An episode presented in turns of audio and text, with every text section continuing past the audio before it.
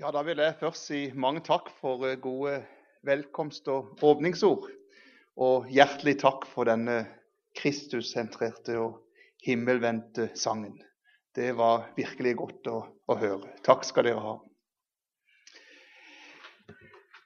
Jeg tenkte i kveld at vi skulle lese to vers fra Jobbs bok. Først fra kapittel 35 og der i vers 5. Der står det sånn Vend ditt øye mot himmelen og se. Gi akt på skyene høyt over deg. Og Så tar vi med ei setning også fra det 38. kapittel, i vers 36. Der står det sånn hvem har lagt visdom i de mørke skyene? Skal vi be sammen. Vi takker deg, trofaste himmelske Far, for din store nåde og miskunnhet imot oss. Og vi takker deg, Jesus, for at vi kan få samles i ditt navn om ditt ord. Og nå ber vi om at du ved din gode Hellige Ånd må åpne opp Bibelen for våre hjerter, slik at vi kan få se enda mer inn i hva vi har, og hva vi eier i deg, Jesus. Jesus gjør det stille i vårt hjerte, slik at vi kan få høre din stemme, røsten av den gode hyrde. Så vil jeg, Jesus, takke deg for at du også er med i dalen, i det mørke, der det er skyer i livet. Takk, Jesus, for uh, Jobbs bok. og Vi ber om at budskapet fra denne boka også må kunne berøre våre hjerter. Så ber vi også for uh, misjonen som samler oss, kristen muslimmisjon, i dette å bringe evangeliet ut til den muslimske verden. Vi ber Jesus om at det må lykkes for ditt navns skyld, at enda flere får lære deg å kjenne som frelser og forsoner, og som den korsfestede og oppstandende. Vi vil Jesus be om at det kan lykkes. Så må du velsigne oss, Jesus, for ditt dyrebare navns skyld. Amen.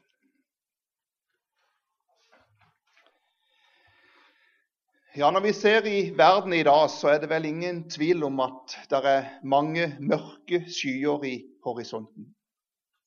Det gjelder på så mange områder. Vi har eh, just vært vitne til en stor finanskrise. Og det er mange mennesker som eh, bekymrer seg, og mange mennesker som opplever store vanskeligheter som, som følge av denne finanskrisen. Ikke minst så ser vi det i Sør-Europa.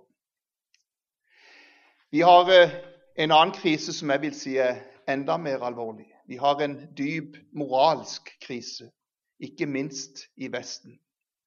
På så mange områder ser vi også her mørke, mørke skyer i horisonten. Det er mange statistikker som vi skulle ønske gikk en annen vei, som eh, går fra vondt til verre. Vi opplever eh, kriser mellom nasjonene. Vi, opplever naturkriser osv. osv. Og så opplever vi også at det er mange mørke skyer i horisonten når det gjelder de kristnes kår i verden. Forfølgelsen, den øker. På tross av at kommunismen på mange måter er en sak av lott, selv om det er noen kommunistiske land i verden enda i dag, så er allikevel forfølgelsen på fremmarsj. Og ikke minst i de muslimske deler av vår verden så er det virkelig mørke skyer i horisonten. Og vi er vitne til noe som skjer i Midtøsten som vi kanskje ikke tenker så veldig mye over, men som har enorme konsekvenser for svært mange mennesker. Vi snakker om en arabisk vår, men sannelig, iallfall for de kristne, har det blitt en iskald vinter. Og i land etter land i Midtøsten så opplever de kristne svært vanskelige kår. Egypt, f.eks., som er hjemland til kanskje drøyt to tredjedeler av de kristne i Midtøsten. Ti millioner kristne bor i dette landet. De eh, hadde det vanskelig under Mubarak. Det ble fryktelig mye verre under Morsi.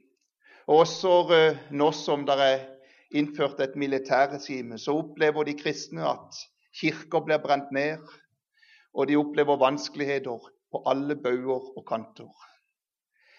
Svært, svært vanskelig har våre brødre og søstre i Egypte for tida. Vi må ikke glemme å be for dem, løfte dem fram innenfor nådens trone. De har hatt det vanskelig i Irak. Det var vanskelig under Saddam Hussein, men det ble enda verre for de kristne etter at Saddam Hussein ble styrta. Og etter den tid så har eh, den kristne befolkninga gått ned omtrent fra en million til ca. 300 000. Resten har flykta landet.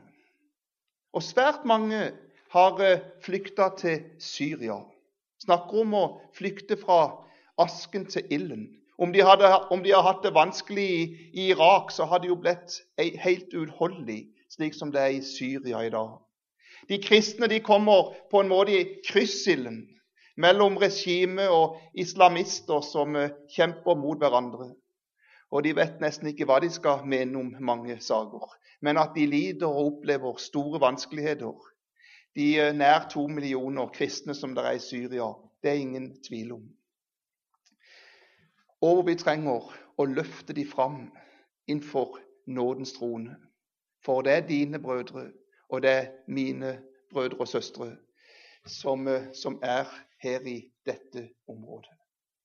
Mørke skyer i horisonten. Ja, vi ser det på alle bauger og kanter. Og samtidig så forteller altså Bibelen, midt i en slik situasjon Vend ditt øye mot himmelen og se Gi akt på skyene høyt over deg. Og Jeg må innrømme det at noen av de som eh, kanskje har lært meg mest om dette å rette blikket mot himmelen, det er fattige og forfulgte kristne. Der nøden og vanskelighetene er størst, så ser det ut som at ofte perspektivet også er mest rett. Det er kanskje ikke her i, i Vesten her hvor vi har så uendelig med penger og midler at det er lettest å holde fokus. Det ser ut som at det er mange ganger motsatt. At der det er fattigdom, der det er trengsel, der det er nød, så blir det også en eh, sann himmellengsel mange ganger. Vend ditt øye mot himmelen. Ja, det er mørke skyer i horisonten, og det er mange ting som eh, kan forferde oss. Men Skriften sier at vi skal få rette vårt blikk oppad. For vi vet at forløsningens dag stunder til. Og Det syns jeg er godt å kunne oppmuntre hverandre om akkurat dette. At uansett hvor mørkt og vanskelig det kan være rundt oss eller i oss, så skal vi få lov å se bort ifra omstendigheter og omgivelser og oss sjøl, og se opp mot Han som er troens opphavsmann og fullender. Vend ditt øye mot himmelen og se. Gi akt på skyene høyt over deg. Ja, Det er vel ikke noen bøker i Bibelen som taler så mye om skyer som nettopp Jobbs bok. Det er ei bok som handler om mørke, mørke skyer som kommer innover livet. Ja, det er virkelig en dramatisk historie vi møter i Jobbs bok. Vi møter en som mister alt. Først så leser vi om at han mister all sin eiendom. Og det er sannelig ikke noe enkelt når alt en har bygd opp, forsvinner på en dag. Alt av eiendommen forsvinner. Men så mister han noe som nok er enda viktigere og langt mer kjært enn alle tingene. Han mister sine ti barn. Huset velter, og de omkommer i en sandstorm. Og så sitter Jobb igjen med alle de minnene og tomheten som nok er til å ta og føle på. Deretter mister han helsa si. Ikke bare at helsa blir borte, men eh, han opplever også smerten, at det virkelig gjør vondt. Han plages dag og natt med ei virkelig dårlig helse. Og Midt oppi dette så, så, opplever han faktisk også at han mister støtte fra de som er omkring ham. Kona hans vender seg mot ham, og de som skulle ha vært hans venner, de viste seg sannelig til å være noe av vennskap. Også de blir en stor byrde og belastning for jobb. Ja, det er nærmest som han, han mister hele sitt menneskeverd her i begynnelsen av boka. Og så eh, møter vi en mann som derfor kler seg i sørgeklær. Ja, vi leser om en som river i stykker kappa. Han eh, faller til bakken med barbert hode. Slik møter vi han i begynnelsen av boka. Og så kommer et av de mest forunderlige vers i hele Bibelen. Jeg blir aldri ferdig med å undre meg over hva Jobb sa i en slik situasjon, der alt var ribba bort fra han. Alt var tatt fra han menneskelig sett. Så sier han i Jobbs bok, det første kapittel og det 21. verset Naken kom jeg fra min mors liv, og naken skal jeg vende tilbake. Herren gav, Herren tok. Herrens navn være lovet. Herren gav, Herren tok, Herrens navn være lovet. Ja, det må vel kanskje være dette som Lina Sandell tenkte på når hun eh, skriver det så flott. Hva han tar, og hva han giver. Samme Fader han forbliver, og hans mål er dette ene, barnets sanne vel alene. Herren gav, Herren tok, Herrens navn være lovet. Da står ikke det at Jobb takka for at han mista alt han eide, at han mista barna sine og at han mista helsa si. Det står ikke. Men det som står, det er det at han lovet Herrens navn også i en slik situasjon. Og det kan det nå være stor forskjell på. Hva betyr det å love Herrens navn? Jo, det er nettopp å love Jesu navn. Jobb han så nemlig fram mot han som skulle komme. Jobbs bok handler om Jesus. Jobb trodde på Jesus. På samme måte som vi tror på Han som kom, så trodde Jobb på Han som skulle komme. Han som skulle komme, han som skulle få navnet Jesus. Og det står nettopp om Jesu-navnet i Matteus. Du skal gi ham navnet Jesus, for han skal frelse sitt folk fra deres synder. Ja, Jesus, det betyr Herren frelser, Herren redder. Så det Jobb gjør i en slik situasjon som han er i, det er å holde fast at Herren, han er frelser. Herren, han er redningsmann, selv om alt er tatt fram. Ja, det er som vi synger. Og for all den ting jeg visste, kan jeg ei min Jesus miste. Og Derfor så ser vi også som en utvikling gjennom Jobbs bok hvordan det går nedover og nedover for, for han, men samtidig så blir det klarere og klarere glimt av Gud og av den Herre Jesus. Først i det niende kapittel, litt med sånn et spørsmålstegn etter, hvor det er tale om voldgiftsmannen. Voldgiftsmannen det er det gammeltestamentlige uttrykket for et uttrykk du finner i Det nye testamentet, nemlig mellommannen. Vi ser altså midt i nøden Mon tro om det kan være en mellommann, en voldgiftsmann. Og så forteller Skriften oss at det er en mellommann mellom Gud og mennesker, og det er Jesus Kristus. Han skal vi få sette all vår lit til. Han er omtalt her i Jobbs bok. Det blir enda mørkere utover i boka. Vi kommer til det 16. kapittel. Det er så det dirrer i boka. Og midt oppi dette, hva taler Jobb om? Jo, han taler om talsmannen. Talsmannen. Det står i Jobbsbok, det. Og så er det jo et av disse nøkkelbegrepene og uttrykkene som handler om Jesus i Det nye testamentet. Om noen synder, da har vi en talsmann. Og denne talsmannen har vi Jesus, den rettferdige, som er en soning ikke bare for våre synder, men for hele verdens. Slik taler 1. Johannes brev. Jesus han er den første talsmann. Og så taler han også om den annen talsmann, Den hellige ånd. Og han sier om han Han skal ta mitt og forkynne dere. Han skal herliggjøre meg.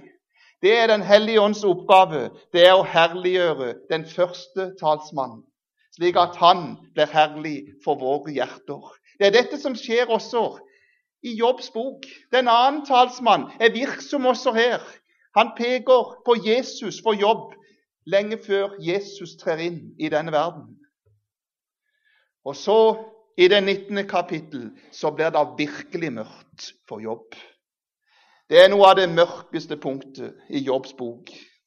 Men ut ifra mørket, ut ifra dette virkelig dramatiske kapitlet, så er det at Jobb kommer, kanskje med den herligste og flotteste bekjennelse om hvem Jesus er i hele Det gamle testamentet.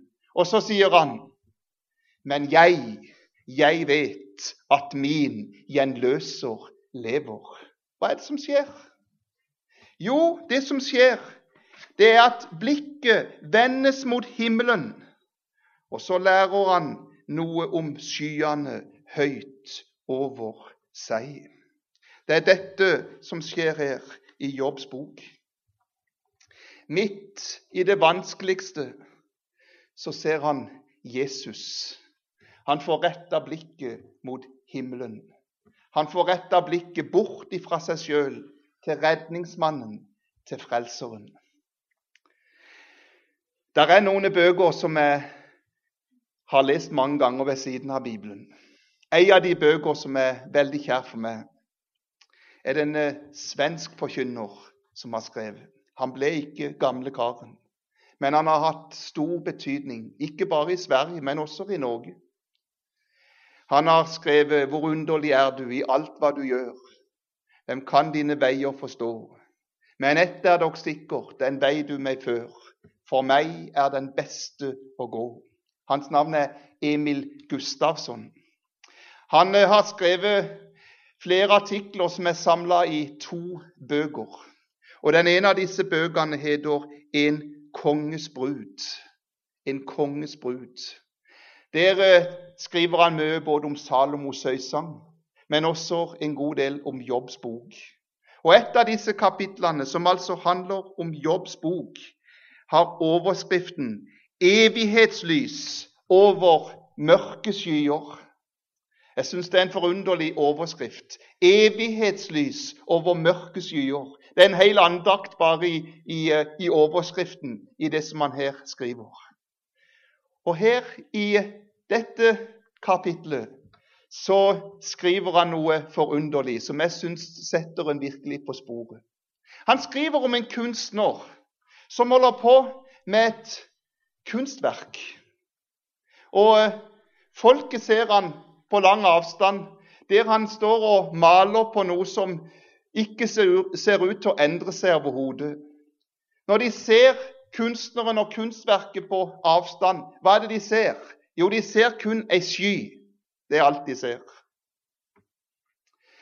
Og de kommer og, igjen og ser ingen endring. Men kunstmaleren han ser ut til å være meget flittig opptatt med kunstverk. Hva er det som skjer?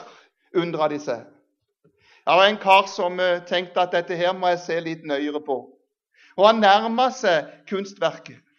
Og Han begynte å ane at her er det visst noen flere nyanser enn bare ei sky. Han kunne ikke helt se hva, hva, det var for noe, så han gikk enda litt nærmere. Helt til han kom helt inn til kunstverket.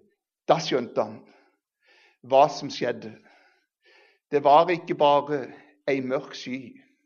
Men eh, hvorfor hadde kunstneren brukt så lang tid på dette kunstverket? Jo, Det var fordi at han hadde valgt å fremstille dette kunstverket som en sky med masse, masse små engler. Så var skya åpenbarte. Det var en engleskare. Det var ikke lett å se det på avstand. Men eh, når en ble brakt nær ved, så så en engleskaren som var i den mørke sky. Og Jeg syns det er så talende hvordan Gud også handler med oss. Når vi ser prøvelsene og vanskelighetene, ofte på avstand, så undrer vi oss over det. Så blir det så mange hvorfor. Og så ser vi bare ei sky som kanskje blir mørkere og mørkere. Og så er det av og til at Herren han tar oss nær ved, så vi kan se hva det handler om. Og så åpenbares nettopp dette, at det som vi kanskje syns var den mørkeste og vanskeligste skya i livet, der åpenbarer Herren sin engleskare. Ja, det er en skare av engler som omgir oss, som vi skal få lov å regne med. Herren, han er der i sitt nærvær, også gjennom engleskaren. Og så kan vi få stole på det, at det er nettopp i dalen. Det er der lilja vokser. Det er der Herren har noe helt bestemt å fortelle oss. Der det er mørkt, der det er vanskelig, der alt virker så håpløst. Jeg syns Emil Gustavsson setter oss på sporet av noe som blir altså så klart og så tydelig nettopp i Jobbs bok. Og så ser vi at dette er altså noe som er som en rød tråd gjennom Skriften. Bare slå opp i bibelordboka og se på ordet sky og skyer, så vil du se eh, der er mange vers som eh, går i samme retning. Vi ser det også under ørkenvandringen. Hvordan eh, Herren om natta var der som en, som en uh, ildstøtte, men uh, en skystøtte om dagen. Han bar der sammen med sitt folk i skyen.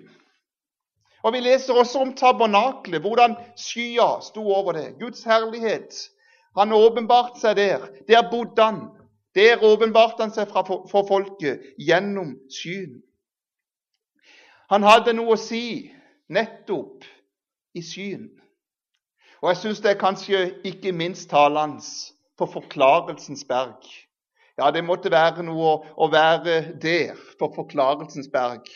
Kan være vi òg hadde foreslått at her var, det, her var, det, behov for å bygge noe, altså. For her hadde det vært flott å bo.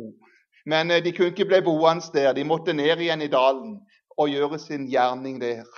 Men eh, det var noe å være der oppe på Forklarelsens berg. Også på Forklarelsens berg så står det forunderlig nok da kom det en sky og overskygget dem. Men så står det noe mer. Og en røst lød ut av skyen. Dette er min sønn, den elskede. Samme budskap for øvrig som det lød da Jesus ble døpt. Men her lød det to ord til, ut av skya, på Forklarelsens berg. Og det var 'Hør ham'. Jeg syns det er flott. Ut av skya så lød det et budskap 'Hør ham'. Når de mørke skyer kommer innover livene våre, så har vi alltid to muligheter. Det ene er at bitterheten blir enda større. Det går an, det. Men eh, jeg tror også de mørke skyer gir en mulighet, kanskje på en spesiell måte, til å høre Han. At Han fortaler, at vi får lytte til hyrderøsten når nøden er størst. Så har Han kanskje noe spesielt å si oss. Der eh, der er nød, der der er en dal, der der er noe av prøvelsene. Et par ting til. For det første så har jeg lyst til å minne om Davids siste ord. Det er noe som altså virkelig ligger David på hjertet før han går ut av denne verden. Jeg vil anbefale at du leser det kapittelet i sin sammenheng. for egen hånd. Grunn på alle de gode ord som står der i 2. Samuels bok, kapittel 23. Der står der også ei setning som jeg syns er flott, som nok kan anvendes i forskjellige sammenhenger, men jeg har lyst til å anvende det på min måte. Da står der Det skal bli. Ja, det er mørke skyer i horisonten. Midt oppi dette så sier Herren, det skal bli. Og det Herren sier, det stemmer alltid. Når Herren sier det skal bli, så skal det bli. Og hva sier han mer?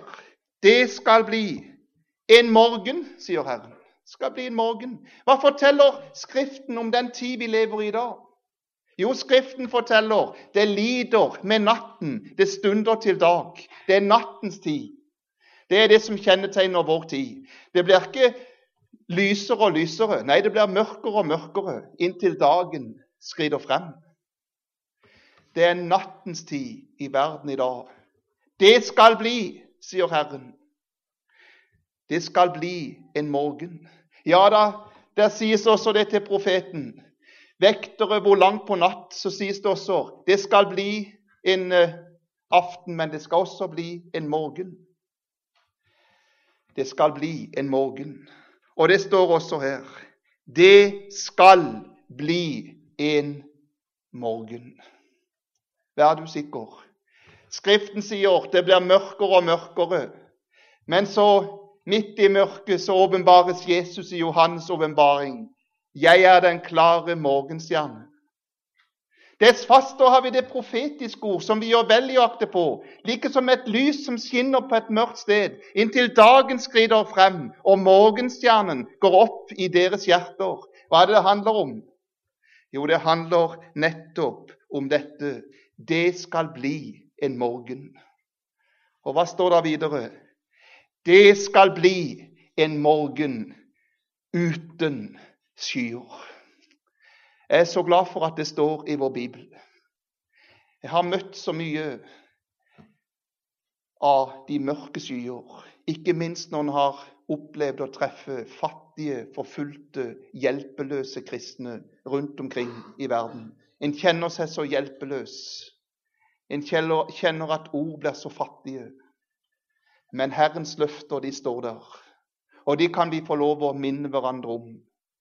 Det skal bli en morgen uten skyer. For en kommentar egentlig til Bibelens to siste kapitler, hvor Herren skal opplyse himmelen da blir det ikke behov for annet lys, for Herren selv skal opplyse staden. Han er rettferdighetens sol. Han er den som gjør at skyene må vige. En ny himmel og en ny jord. Han skal tørke bort hver tåre fra deres kinn. Forbannelsen erstattes med velsignelse. Fra å vende blikket nedover, så er blikket alltid retta oppover. Det er en ny himmel og en ny jord. Det håp som vi har, og som vi eier som Guds barn, det skal bli. Jeg har lyst til å si det til ditt hjerte. Uansett hvor mørkt du kan oppleve det. Herren han sier, 'Det skal bli'. Lytt til hans røst. Lytt til hva han har å si. Uansett hvor vanskelig det er. Han har alltid det siste ord. Det skal bli også for deg, hvis du setter din lit til han en morgen uten skyer. Da kjenner sikkert til statsmeteorolog Vidar Theisen. Han har vært mye på, på TV-skjermen. Han eh, var ikke bare en eh, stor statsmeteorolog, men han var også en kristen. Skal du høre hva det sto i Aftenposten om han når han var død? Det var en som, eh, en som eh, heter eh, Vidar Kvalshaug, som skrev minneordet. Skal du høre hva han skrev om Vidar Theisen?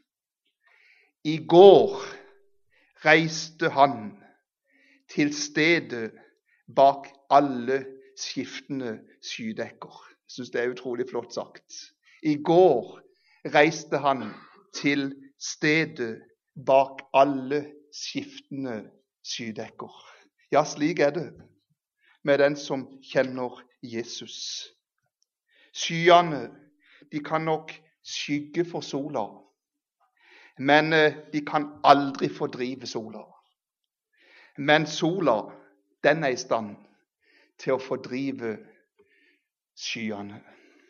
La meg avslutte med å sitere et lite vers fra sangen som står på nummer 87. Der står det i vers 3 Skyer skjule kan min himmel, sorg og smerte titt meg når.